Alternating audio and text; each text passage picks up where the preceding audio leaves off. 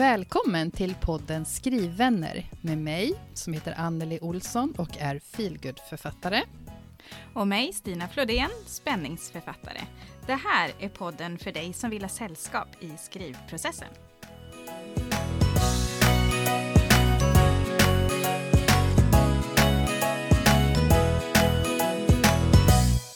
Hej Anneli, vad roligt att se dig igen. Du, hej jag, Stina! Hej! Jag tror ju att efter förra avsnittet så är det många, med, bland annat med mig då, som har varit inne på ditt Instagram och tittat. Vad är det som händer? Är det någon nyhet på gång? Och vi är ju alla så himla nyfikna på vad händer Anneli? Du får be berätta vad, vad som händer. Ja, jag undrar också vad som händer. Ja. Ja, eh, ja, förra gången så var vi väl ganska inställda på att vi skulle kunna skåla för någonting eh, som verkligen är att fira den här mm. gången, det här poddavsnittet. Men det tar tid, mm. eh, det som är på gång. Så att vi får eh, hålla oss till tåls i, ja, till nästa avsnitt i alla fall. Vi, förhoppningsvis så kommer vi att kunna skåla emellan avsnitten här. Vi eh, hoppas ju på det. Ja. Ja, nej, så, jag ska väl erkänna att jag är lite frustrerad nu, men eh, ja. det är som det är liksom. Men det ja. är ju också så lite i den här branschen, att saker tar längre tid än vad man tror lite grann. Ibland går det mycket fortare än vad man har tänkt sig och det händer oförutsedda saker och, på ett positivt sätt. Och sen mm. kan det ju också segas ut eh, för att det är så många inblandade olika saker så det tar lite tid. Och det ja. är ju en sån här jobbig del, tycker jag. Med den här, som vi har pratat ja. om förut, väntan även i de här delarna nu. Det blir väldigt kryptiskt, men ja. vi får vara det än så länge. Ja, men det är ju precis så det är. Och, mm. ja, den som väntar på något gott, men, eh, men eh, i de lägena så kan ju också väntan kännas väldigt, väldigt, väldigt lång. Ja, precis. Men, eh, men det är ju, ja, och jag ber liksom om, lite om ursäkt för att jag har råkat tisa lite onödan på Instagram. För faktiskt, i, vi spelar in det här idag, måndag den 26 april. Mm. Eh, och i fredags, då kände jag att ja, nu, nu jäklar, nu händer det. och så mm. kanske jag gjorde någon teaser på Instagram och så händer det inte. så nu, nu ska jag ligga lågt, tänkte jag. Eh, men det är inte så att jag är sysslolös eh, under tiden. Vad händer jag, under tiden? Ja, eh, jag har ju liksom konstaterat igår, eller i helgen i alla fall, att eh, det är sex veckor nu tills min bok behöver segla iväg till tryckeriet. Sex veckor det är alltså? Ju, mm. Ja, det är inte mycket tid. Nej. Alltså. Då helt plötsligt så är sex veckor kort tid. Ja. Medan några dagar på andra sätt är åh, evighetslånga. Men eh, jag håller på att, eh, ja, jag får väl kalla det för slutredigering nu av mm. Manuset. Och har lämnat över det till min make också, som läser det för första gången. Eh, och det är skitnervöst, faktiskt. han är inte min målgrupp, men, eh, men det är ändå speciellt. Liksom. Han, eh, mm. han har väl eh, ja, men, hyfsat skarp blick. Liksom. Eh, för han, han fick göra så med Fritt fall också, när det var slutredigering. Eh, och kom med mycket bra input och så. Så att han håller på och läser och jag suckar mig väl mer eller mindre igenom processen nu, för nu, nu har jag hamnat i det läget att nu känner jag att jag skulle vilja stryka hälften. Liksom. Eh, det var ju det ja. vi pratade om i förra avsnittet, att när man känner att nu spyr jag mm. på den här eh, karaktären, då ska man ta det en vända till. Liksom. Och det är det du gör ja, nu. Ja. ja, det är det jag gör nu. Och sen har jag ju minst två vändor till efter det också. Mm. För sen är det korrektur och sen ska det läsas den satta mm. inlagan också. Mm. Men eh, det är väl så det blir helt enkelt, att man jag har läst det här så sjukt många gånger redan, så jag tycker att det här är rätt tråkigt nu och tänker att det här kommer ingen vilja läsa. Um, men jag hoppas att jag har fel. jag som har läst det bara två gånger kan ju säga att eh, du har fel. ja, men det är bra. Det är bra. Jag gillar att ha fel ibland. ja. ja, nej, men det är väl det som händer här nu. Mm. Att jag har, om kanske en vecka ungefär, så behöver jag skicka iväg eh, manuset på korrektur. Ja. Så att, eh, jag försöker att ligga i här och skrivit mm. ut det och håller på att läsa med, ja, på papper och med bläckpennan i högsta hugg. Mm. Ja. En speciell känsla din, att hålla ja. i det. Ja, men det är det faktiskt. Mm. Och att det är, en, det är en bunt och man, det blir mer påtagligt vad man faktiskt har gjort ju. Mm. Mm. Ja. men det, det är det jag håller på med. Och vad, vad händer på din front, Stina? Ja, det undrar jag med. jag får säga jag med. Eh, men jag tror att jag är någonstans där mittemellan ett råmanus och ett första utkast lite grann. Jag vet inte, har jag gått in liksom i redigeringsfasen i det här nya manuset som jag håller på med eller var är jag någonstans? Jag har inte riktigt mm. bestämt mig för det än, men jag har inte läst igenom det någon gång än och då tänker jag att då är det fortfarande någonstans ett första utkast. Eh, tror jag. Men jag har ju gått igenom mm. det några gånger ändå och så har jag en, jag har några saker som jag fortfarande behöver rätta till.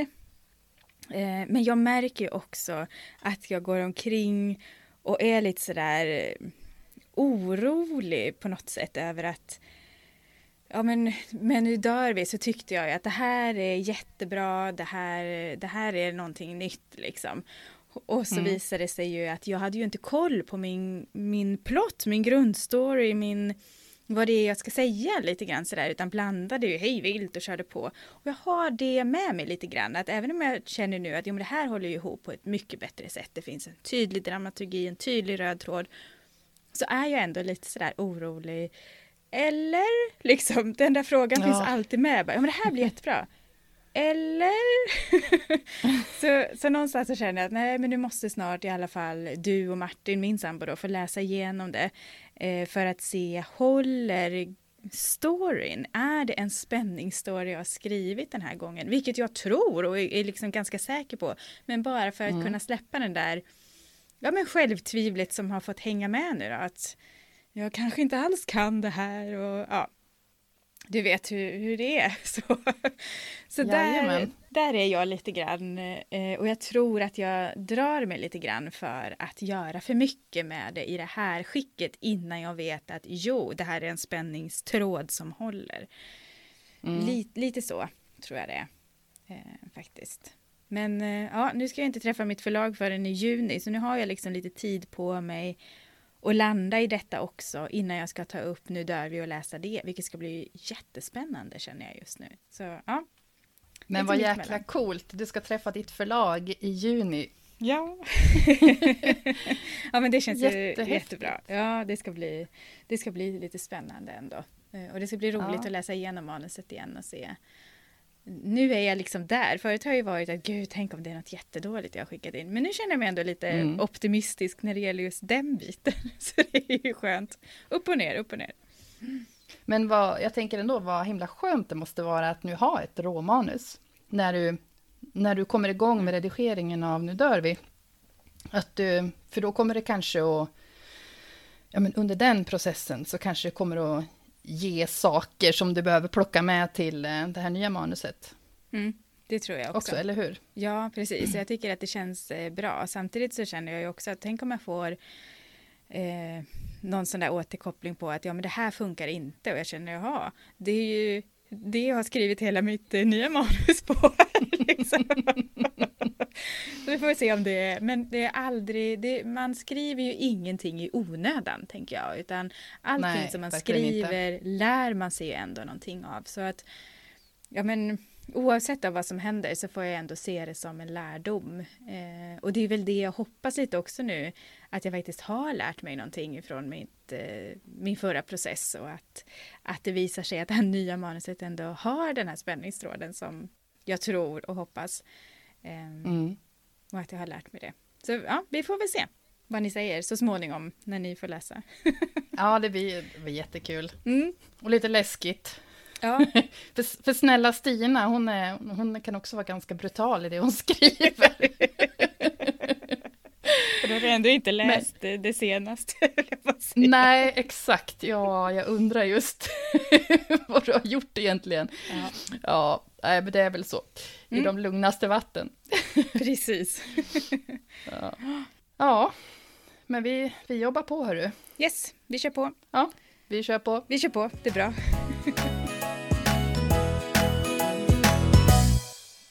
Ja, då var det dags att dra igång eh, dagens tema eh, som är eh, skrivkramp eller skrivblockering. Eh, en ganska jobbig sak som vi tänker ändå är viktigt att prata om. Och eh, vi har tänkt att vi ska prata om vad skrivkramp eller skrivblockering innebär för oss. Eh, om det är någonting som har drabbat oss och eh, kanske en hel del om hur vi tar oss ur det. Eh, vad tänker du om det här Stina? Om, ja, om skrivkramp generellt så tycker jag att det låter ganska tufft om man liksom verkligen sitter och försöker att skriva och inte får ur sig någonting. Eh, mm. Men för mig så tänker jag att det handlar ganska mycket om eh, bristen på motivation eller inspiration eh, i olika skeenden då. Jag, än så mm. länge, jag, tänker all, jag tror att de flesta hamnar där förr, förr eller senare när man sätter sig framför datorn och känner jag har ingen aning om vad jag ska skriva, det kommer inte ur mig någonting, det finns ingenting ur mig. Eh, men än så länge har jag inte riktigt hamnat där. Eh, men som sagt, jag tänker det är en, en tidsfråga innan jag gör det. eh, men än så länge är det just det här med inspirationen eh, och gärna för mig i början av processen. Jag tänker nu mm. när jag skulle liksom börja på nästa manus efter Nu dör vi så hade jag lite svårt att hitta rätt historia. Att liksom känna att jo men det, det här vill jag skriva och jag är nyfiken på den här och så. Och jag började ju med några stycken och kom liksom inte vidare för att jag kände att nej, ja, jo men det här är ju intressant och ja, mm, kom, nej, det, mm. det gjorde ingenting i mig eh, när jag började skriva. Och sen när jag började på det här som jag har skrivit nu så, så kom det. Då var det liksom, eh, gud, det här låter ju så himla flummigt när man bara, då kom det. Men det är ju det lite så, då så. fanns det där liksom att jag ville skriva vidare och jag hittade inspirationen. Sen är det klart att det inte är inspiration hela tiden, men den här nyfikenheten, eh, som jag tror också vi har berört vid något annat avsnitt, att nyfikenheten är ganska viktig för mig för att komma vidare i själva råmanuset. Och sen när det finns mm. så är ju drivkraften att göra det bättre och se vad som kommer att hända utifrån den berättelsen som har börjat ta form. Liksom. Så, så för mig mm. är det väldigt mycket där i början att jag känner att ja, nej, det här var inte, vad är det jag vill veta och hur är det, nej, det var inget så. Då kan jag känna lite det här, kanske inte riktigt kramp eller blockering, men ändå eh, att jag inte kommer vidare liksom. Är det lite då att du står ner vid foten av det här jättehöga berget liksom, och du vet att jag ska upp, men vilken väg tar jag och varför ska jag upp? Ja, eller, eller kanske det... snarare, är det det här berget jag ska upp på? Eh, och inte så sugen ja. på just det här berget. Är det verkligen en fin utsikt där uppe? Jag vet inte. Kanske det är det ja. berget. Jag testar här borta och så börjar man. Nej, det var inte den riktigt det sättet jag ville. Så, så hitta rätt berg är det mer. Det var en ny, ja, ny metafor. Precis, precis. Hur är det för dig då? Hur, vad tänker du på när man säger skrivkramp eller skrivblockering? Jag tänker att det är eh, att det bara tar stopp. Mm. Eh, och att eh, ingenting, känns, det, ingenting känns roligt. Mm. Inte för att eh, vi vet ju att det är inte kul att skriva, skriva hela tiden, men jag tänker som att skrivblockering, då... Om den kommer, då försvinner liksom grundglädjen på något vis. Mm. Eh, och att, eh, att det är någonting större än bara de här vanliga dipparna. För att dippar, det kommer ju hela tiden när man ja. håller på med det här. Men att blockering, då, tänker jag bara på, det är ett mörker, det är bara tomt. Liksom. Eh, ja, men det är väl lite liknande det, det du säger egentligen. Och det, liksom ja. att, att inte ha inspirationen. Och vi vet ju att eh, man måste ju sätta sig på arslet och skriva, även om man inte är inspirerad varje dag. Men just det här, jag tänker det grundläggande som... Eh, mm. Det måste finnas en lust eller liksom en vilja. Det måste finnas, mm. ja exakt. En lust, en vilja, glädje och eh, att man liksom kommer ihåg varför det är man vill hålla på med det här. Mm. Från början, på något sätt. Jag tänker faktiskt att, att eh, mm. Johanna Jonsson mm. i vår Facebookgrupp beskriver just den biten ganska bra. Eh, att hon mm. beskriver det som en riktigt stor rätt in i väggen-smäll. Um, ja. för, för hon kunde känna liksom att idéerna fanns där men att hon, hon kunde inte, orken fanns liksom inte riktigt. Uh, och, mm. och det tänker jag är en, en, en riktig skrivkramp liksom, eller en blockering, att det bara tar stopp. Och det låter ju jättehemskt. Ja. Hon beskriver också att det var, det var en jättehemsk eh, känsla. Och jag tänker det är liksom verkligen en sån, eh, ja, den känns ja, alltså, liksom. Det där, mm. det där är, jag eh, tänker på min förra höst som att det var första gången mm. som jag drabbades av någonting liknande. Mm. Eh, för att det första manuset höll jag på med i så många år. Så att, så att jag minns liksom inte ens hur det var. Och där var det livet som jag lät komma i vägen för att mm. det tog sån tid. Men och då tänker jag du inte hade riktigt koll på processen och sånt där heller, utan att, att det, du gjorde lite, lät det gå som det gick lite grann sådär. Och nu har du ju större koll ja. på, på, processen. Ja. ja, exakt. Och det var en riktig sån här äh, väggkyss, kände jag att jag fick det. För att det var som att, då hade jag mitt råmanus klart och eh, satt och skulle börja redigera det. Just det, du hade testläst det. Jag tror att det var, det var inte din Eh, det var inte din feedback som gjorde att jag sprang in i väggen, men jag har för mig att det var när jag skulle sätta mig och jobba igenom råmanuset med din feedback som det bara... Nej, jag, jag förstod inte varför jag skulle hålla på eh, längre. Så då var det precis att all den här, den här drivkraften, den här glädjen som jag brukar ha i grund och botten, även om det är lite motigt vissa pass, den bara var borta. Eh, och eh, ja, jag vet inte om jag funderar så mycket, jo det var nog, för min del var det nog också att eh, jag började eh, känna någon typ av press också eftersom det är min mm. andra bok. Och, eh, och så lät, jag tror jag pratade om det här tidigare, att jag lät kanske eh, lite kritiska omdömen liksom komma åt mig där. Och så kände jag, men, men varför ska jag skriva det här, det är ingen som vill läsa Nej. det här. Alla hatar ju det jag gör i mm. alla fall. Och så, och så var det den här eh, kritiska, jätteelaka rösten där. Och hackade mm. och pickade liksom. Um, Men det, här, mm. det här tycker jag känns så, så viktigt, för jag tänker att eh, i, i skrivandet är ju inte heller isolerat och på ett, funkar på ett helt annat sätt än resten av livet, utan man kan ju faktiskt upp komma in i det här med blockering eller så i andra delar i livet också, men då kanske det kallas någonting annat. Mm. Eh, och, och, jag tänker, ja. det, det, handlar inte bara om skrivandet i sig. Eh, sen kan det ju vara så att ja, men skrivande, det är skrivandet jag märker av min blockering eller att det blir för mycket eller vad det nu mm. kan vara. Liksom. Eh, så att, att ja. Sen kan det ju vara skrivkramp, visst att man är jättepepp och alltihopa och sätter sig och det bara kommer ingenting. Men då handlar det kanske om någonting annat. Då kanske det är just det här. Men är det rätt historia eller är det någonting annat i det här som gör att jag inte riktigt känner att eh, jag kommer mm. vidare.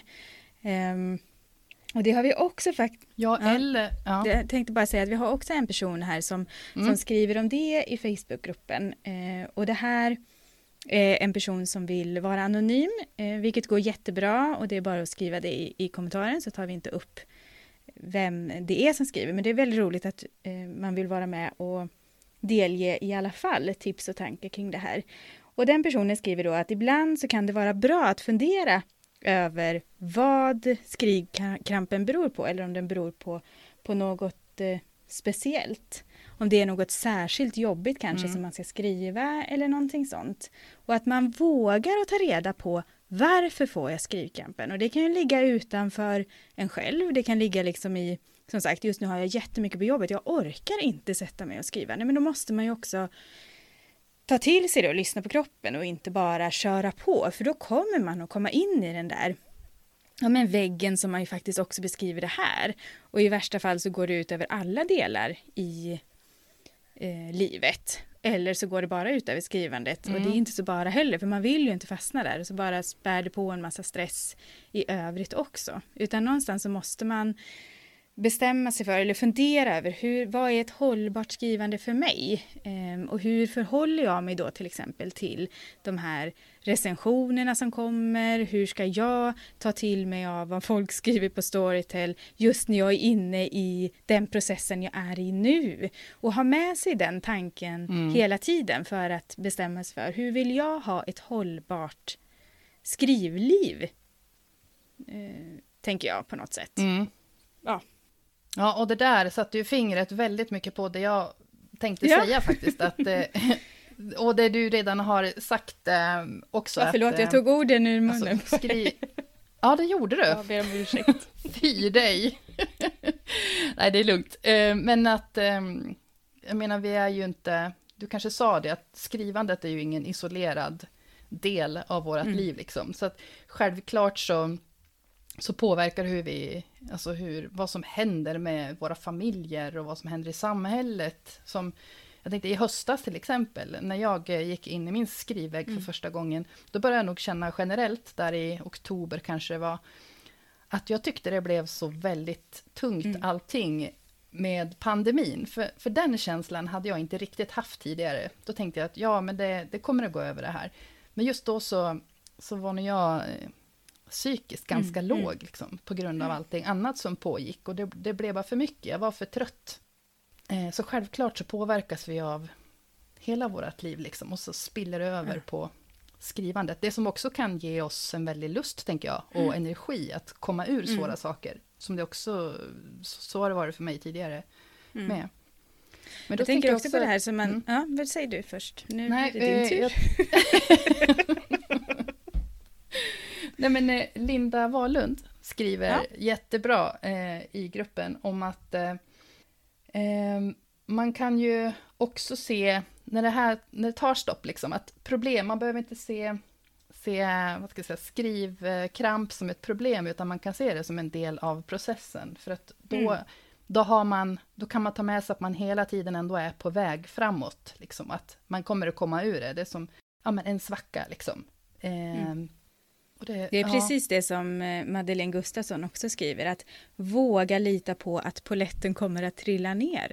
Och det tycker jag också är, är väldigt viktigt och de, de, hänger ju ihop. Det är en del av processen, jag kommer igenom det, jag kommer att liksom landa i det så småningom. Eh, just nu mm. så kanske jag behöver ta ett steg tillbaka och se, beroende på vad det beror på då, jag kanske behöver vila mig ifrån det här problemet som som Johanna Jonsson då gjorde. Hon vilade liksom för att komma ur det. Och, mm. eh, vilket man behöver göra om man är, om man är där. Mm. Och i andra fall som kanske mer i mitt fall, men jag behöver skriva på.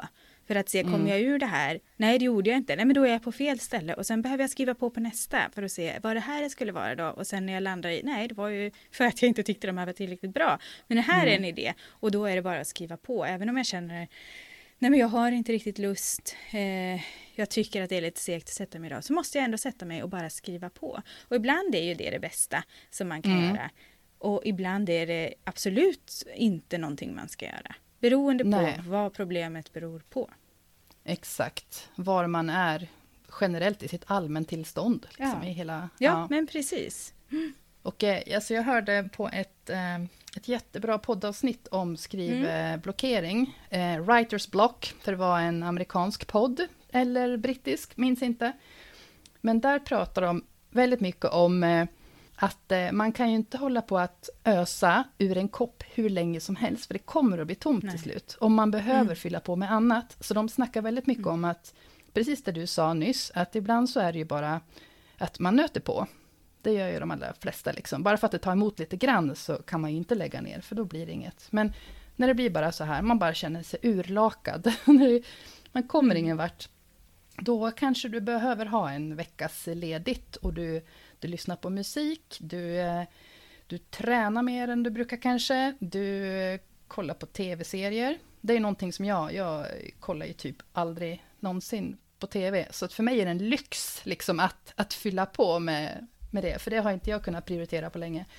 Så det handlar nej, det är en av de grejerna att... som har fått stryka på foten liksom.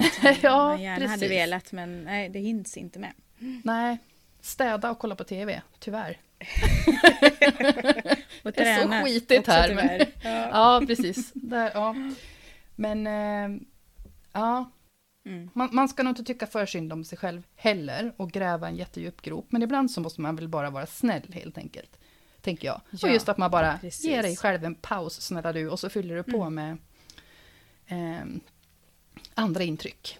Mm. Helt enkelt. Jag har hört någon nu vågar jag inte säga riktigt i vilken podd. Jag tror att det är en podd som jag har hört att jag måste liksom känna efter, är jag lat eller behöver jag vara ifrån manuset? Alltså mm. lite den här, eh, vad är det jag behöver just nu?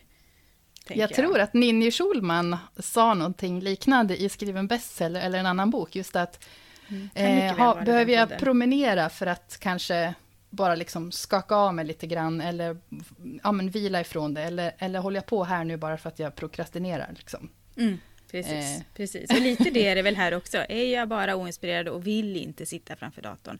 Eller mm. måste jag faktiskt ta hand om mig själv? För att annars kommer jag att gå sönder. Alltså mm. det, det, är ju ganska viktiga skillnader. Eh, hur mycket ska man pusha sig själv? Ja, men det handlar om hur man mm. mår. Exakt, och sen också en, eh, tror jag, en eh, personlighetsgrej. Eh, för att mm. som perfektionist så tror jag också att det är väldigt lätt att, att det tar stopp liksom, ibland. Mm. För att allting, det, det, tror jag vi har pratat om tidigare faktiskt, i något avsnitt.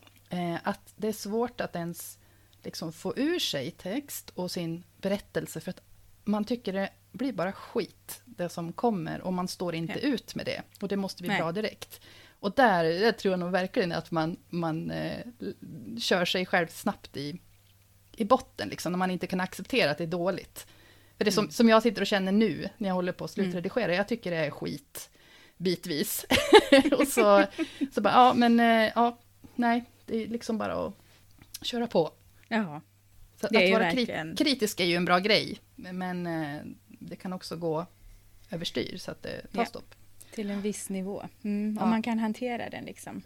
Mm. Eh, sen tror jag också att det handlar mycket, ja, men som i arbetslivet då, att man får titta lite på vilka krav har jag och vilka resurser har jag då? Att man har någon sorts balans i det.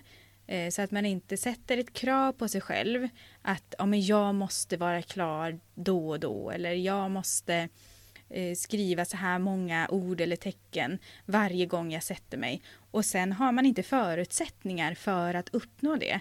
Eh, säger jag nu att nej, men jag ska gå igenom mitt manus på fredag, då ska det liksom kännas hyfsat klart. Mm. Och sen tittar jag i min jobbkalender och inser att jag kommer ju jobba eh, ihjäl mig här i veckan och sen dessutom kanske det kommer någon sjukdom eller vad det nu kan vara. Men då finns det inte en chans att jag kan uppnå de kraven för jag har inte de förutsättningarna.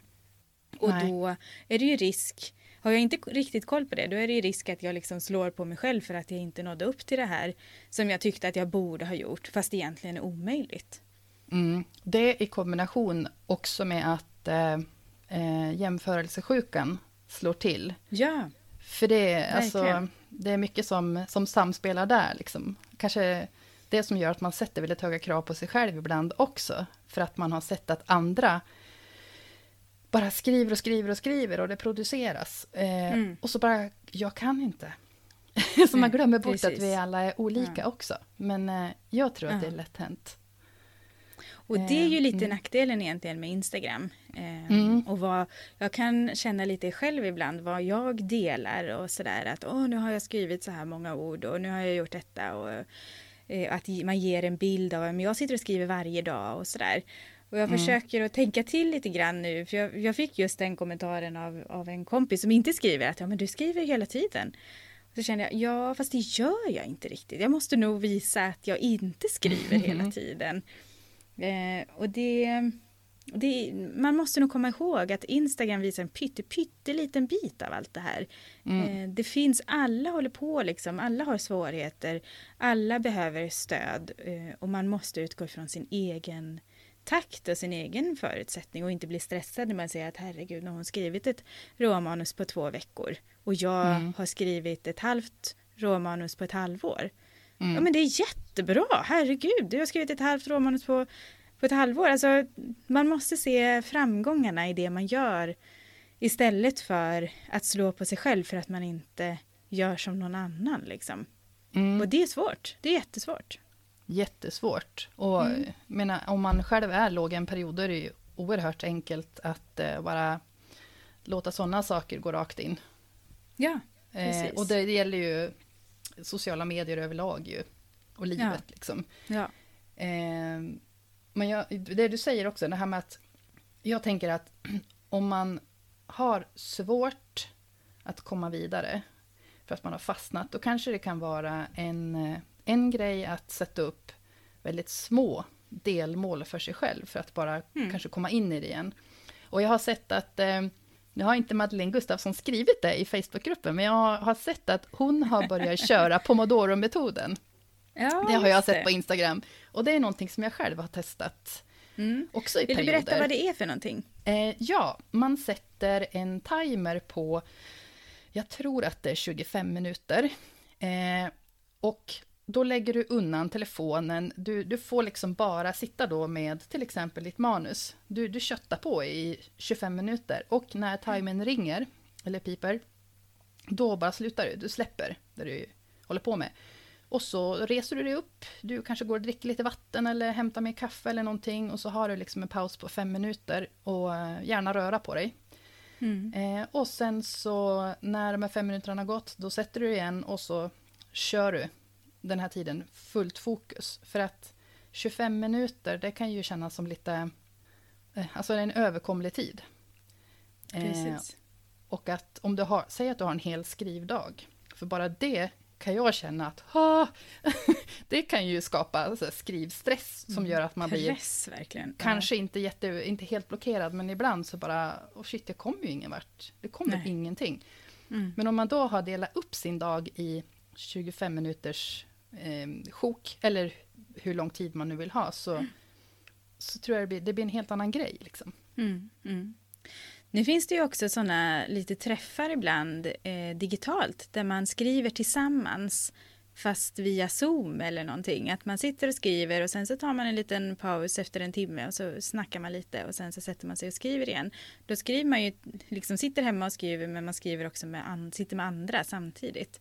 Och det mm. tror jag också är en sån här grej att ja, men då, då gör jag detta nu i en timme och det blir avgränsat och så eh, kan man liksom ta det därifrån. Mm. Så det är nog bra. En annan sak som jag inte har testat själv, men som jag har hört om, det är att eh, författare skriver skrivdagbok ibland, för att ha lite mm. koll på sin egen skrivprocess. Och att det kan vara någonting som är nyttigt att kunna gå tillbaka till, både i, i tider av när man har haft flow och när det har tagit stopp. Liksom. Och att mm. då fundera på, just det här, vad, vad var problemet? Är det, är det liksom någonting i karaktärerna som skaver, eller är det att mitt liv, som du säger, det är fullt av annat, så jag, jag kan bara inte fokusera på det här, eller är det storyn som inte håller, bla bla bla. Mm. Eh, det har jag funderat på om man kanske skulle ta och testa faktiskt. Mm. Eh. Det är nog en bra idé. Du får testa det och så får du utvärdera det sen längre ja. fram. Då kan vi ha skrivdagbok som ett eh, ja. tema. Ja. Men jag eh, också, en, en, en liten, liten sak till bara. Eh, apropå flow, ja, som jag yes. sa. Så i det här mm. poddavsnittet som jag hade lyssnat på om skriv, skrivblockering, ja. så, mm. eh, så sa de någonting väldigt bra. Att eh, eh, de allra flesta av oss vill ju verkligen komma in i flow, när allting bara går lätt och allting bara, det bara stämmer. Mm. Liksom. Men för att kunna hamna i flow så måste du jobba och skriva, för du yeah. kan inte hamna i flow om du inte skriver. Mm. Eh, så att eh, det är ju ett litet, eh, någonting att ha med sig, tänker jag. Absolut. Mm. Ja, det är ju bra. Man inte blockeras bara för att man inte hamnar där, liksom, utan att man får kämpa lite. Mm. Ja. ja. Eh, jag tänkte annars lite grann på det här med att, att vi har ju varit inne på hur, liksom, hur ska man ta sig ur detta och sådär då. Eh, och bland annat då Inga Lill Hägerman, hon skriver att att man kan ju göra olika skrivövningar eh, av olika slag. Det finns ju massor till exempel på Instagram där man kan komma in i i någon sorts flöde i alla fall. Att man skriver liksom någonting bara ur, rensar huvudet liksom på det sättet. Mm. Um, och det finns ju de som skriver så här morgonsidor där man bara skriver ur, skriver ur huvudet liksom. Ja. Egentligen ingenting utan bara skriver på. Och det, det tror jag ändå en, en, kan vara ganska skönt. Komma in och bara skriva något, vad som helst. För att sen sätta sig och vara inne i skrivandet. Man har kommit att över man tar, lite. Ja, att man tar bort prestationen i det. Mm. Att det måste inte vara Precis. det här romanprojektet. Nej, precis. Eller så väljer man någon, en skrivövning som har med projektet att göra. Där man kanske mm. tycker att ja, men jag har svårt för att skriva dialog eller någonting. Att man tränar sig lite på det då i skrivövningarna så att man kommer vidare i de, det som man tycker är utmaningar i själva processen mm. också. Och eh, Elin Karlsson, hon mm. har också ett eh, bra tips här om att eh, man kan göra research gärna miljöresearch mm. när det går trögt. För då, då jobbar man ju ändå med sitt manus. Eh, för det behöver ju ändå göras. Eh, för att eh, hon skriver att ny inspiration kan komma om man går på karaktärernas gator. Mm. Och det kan, tänker, det kan man ju göra via Google Maps. Ja. När man inte kan resa, om man inte Precis. skriver om eh, orten man bor på, till exempel. Det är ju en jättebra tycker, ja, grej då, faktiskt. Det låter lite roligt. Ja. Eh, och, och sen tänkte jag också bara på det här, nu, nu blir det Madeleine igen då, Madeleine Gustafsson, eh, som skriver att, att hon skriver dialog, för det har hon lätt för, eller om hon skriver att hon är bra på det. Och det är ju också en sån där, ja, men, hitta din styrka i skrivandet och när det känns lite tuffare, så skriv det. Oavsett om det har kanske med manuset att göra eller annat, men skriv det som du tycker är kul och som du kan för att liksom hitta tillbaka då till, till gnistan. Mm. Väldigt bra idé. Mm. Det kanske vi har varit inne på, men det är ju ganska mycket skam kopplat till det här med eh, skrivblockering och skrivkramp och att man är, men det har väl också lite med jämförelsesjukan att göra, men att man har lite det här bluff, eh, man känner sig som en bluff liksom, att ja, men jag är ingen riktig författare för jag kan ju tydligen inte sitta och skriva, varför, varför håller jag på med detta? Och, så att, istället, mm. att det inte bara handlar om det här tvivlet på är det jag skriver bra eller hur, alltså att det är om texten så ifrågasätter man kanske hela sig själv att kan jag inte ens sätta mig och skriva, vad är jag för en författare eller en aspirerande författare i så fall? Hur, hur tror mm. jag att mm. jag ska kunna göra det här? Eh, ja. Och det är ju också någonting att komma, kom, att liksom, nej men det är en del av processen, precis som vi har pratat om. Det är en del av processen, de flesta upplever detta. Kanske till och med så att har man inte känt skrivkramp då är man ingen riktig författare.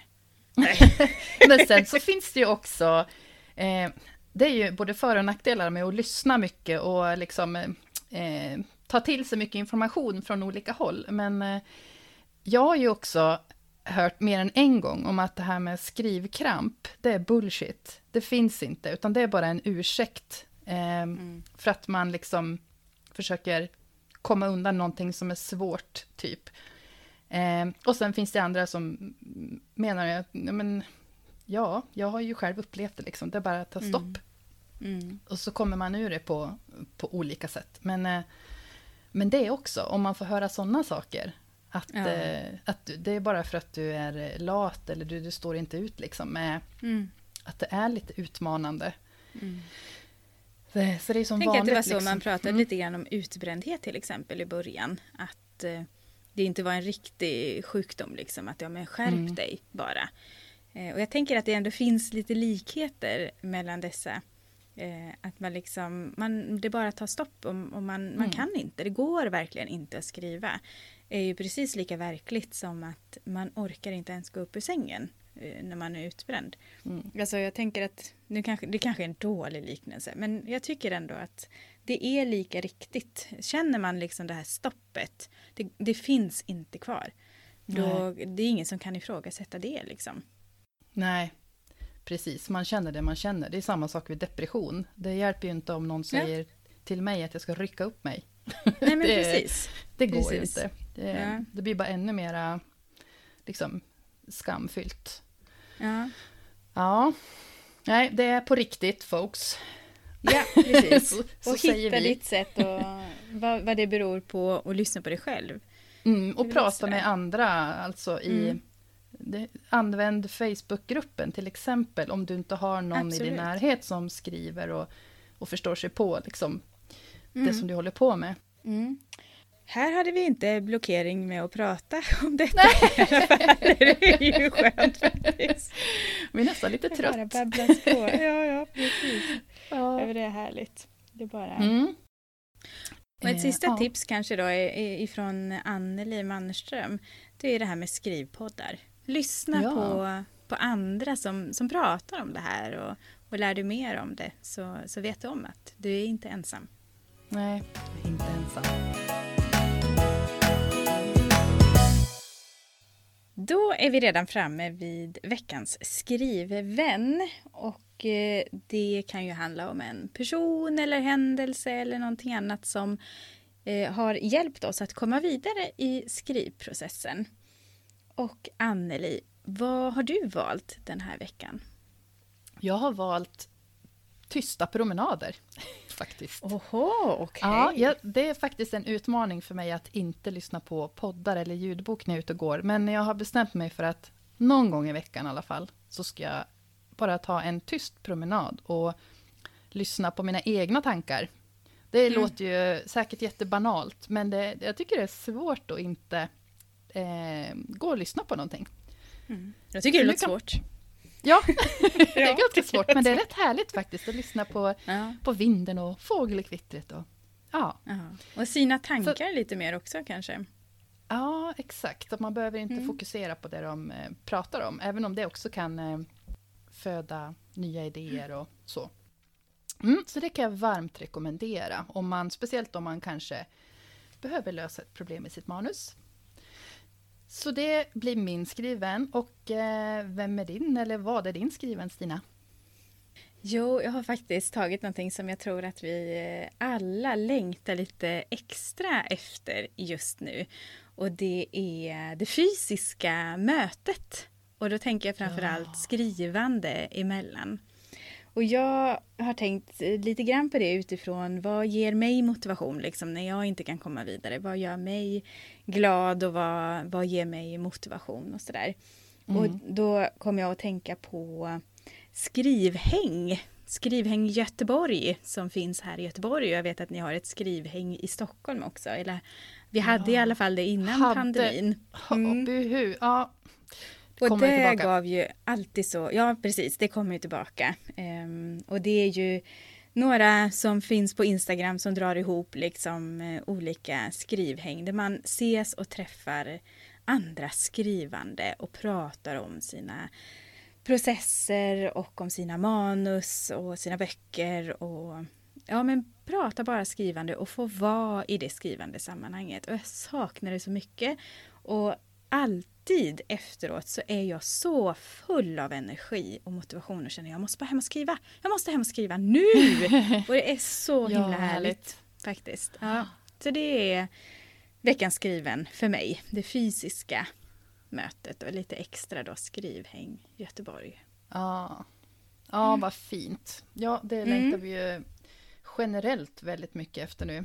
Ja, um, precis. Jag tänker inte att jag är ensam. Utan att det är många. ja, ja, det blir och näst, nästa mm. gång då, Anneli, om två veckor när vi ses, vad tänker vi att vi ska prata om då? Då tänker vi prata om något så mastigt och mustigt som personlig utveckling. Faktiskt, mm. genom, genom skrivandet. Vad som mm. har hänt med oss under ja, men de här åren nu som vi har eh, håller på att skriva. Precis. Mm. Och vad man har lärt sig om sig själv under sin eh, process till exempel. Ja. Och det ska bli, det, det, här ser jag också varje gång, men det ska bli så spännande att höra vad, vad du som lyssnare eh, har lärt dig och vad du har, hur du har utvecklats under tiden som du har skrivit. Så dela gärna med er om det i Facebookgruppen som heter podden Skrivvänner där det kommer att finnas en tråd just nu där eh, ni kan dela med er om era erfarenheter och era tankar just om personlig utveckling kopplat till skrivprocessen.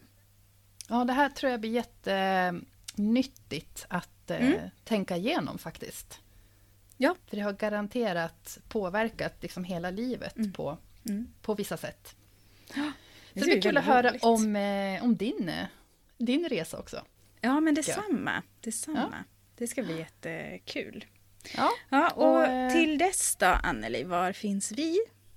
Då finns vi på Instagram och där heter jag forfattar-Anneli. Ja, och jag heter Stina.floden. Mm. Och så finns och, vi också då i Facebookgruppen, podden Skrivvänner. Det gör vi. Och gillar du podden så blir vi jätteglada om du tipsar eh, andra skrivande kompisar om den. Mm. Eh, prenumerera, så missar du inte nästa färska avsnitt.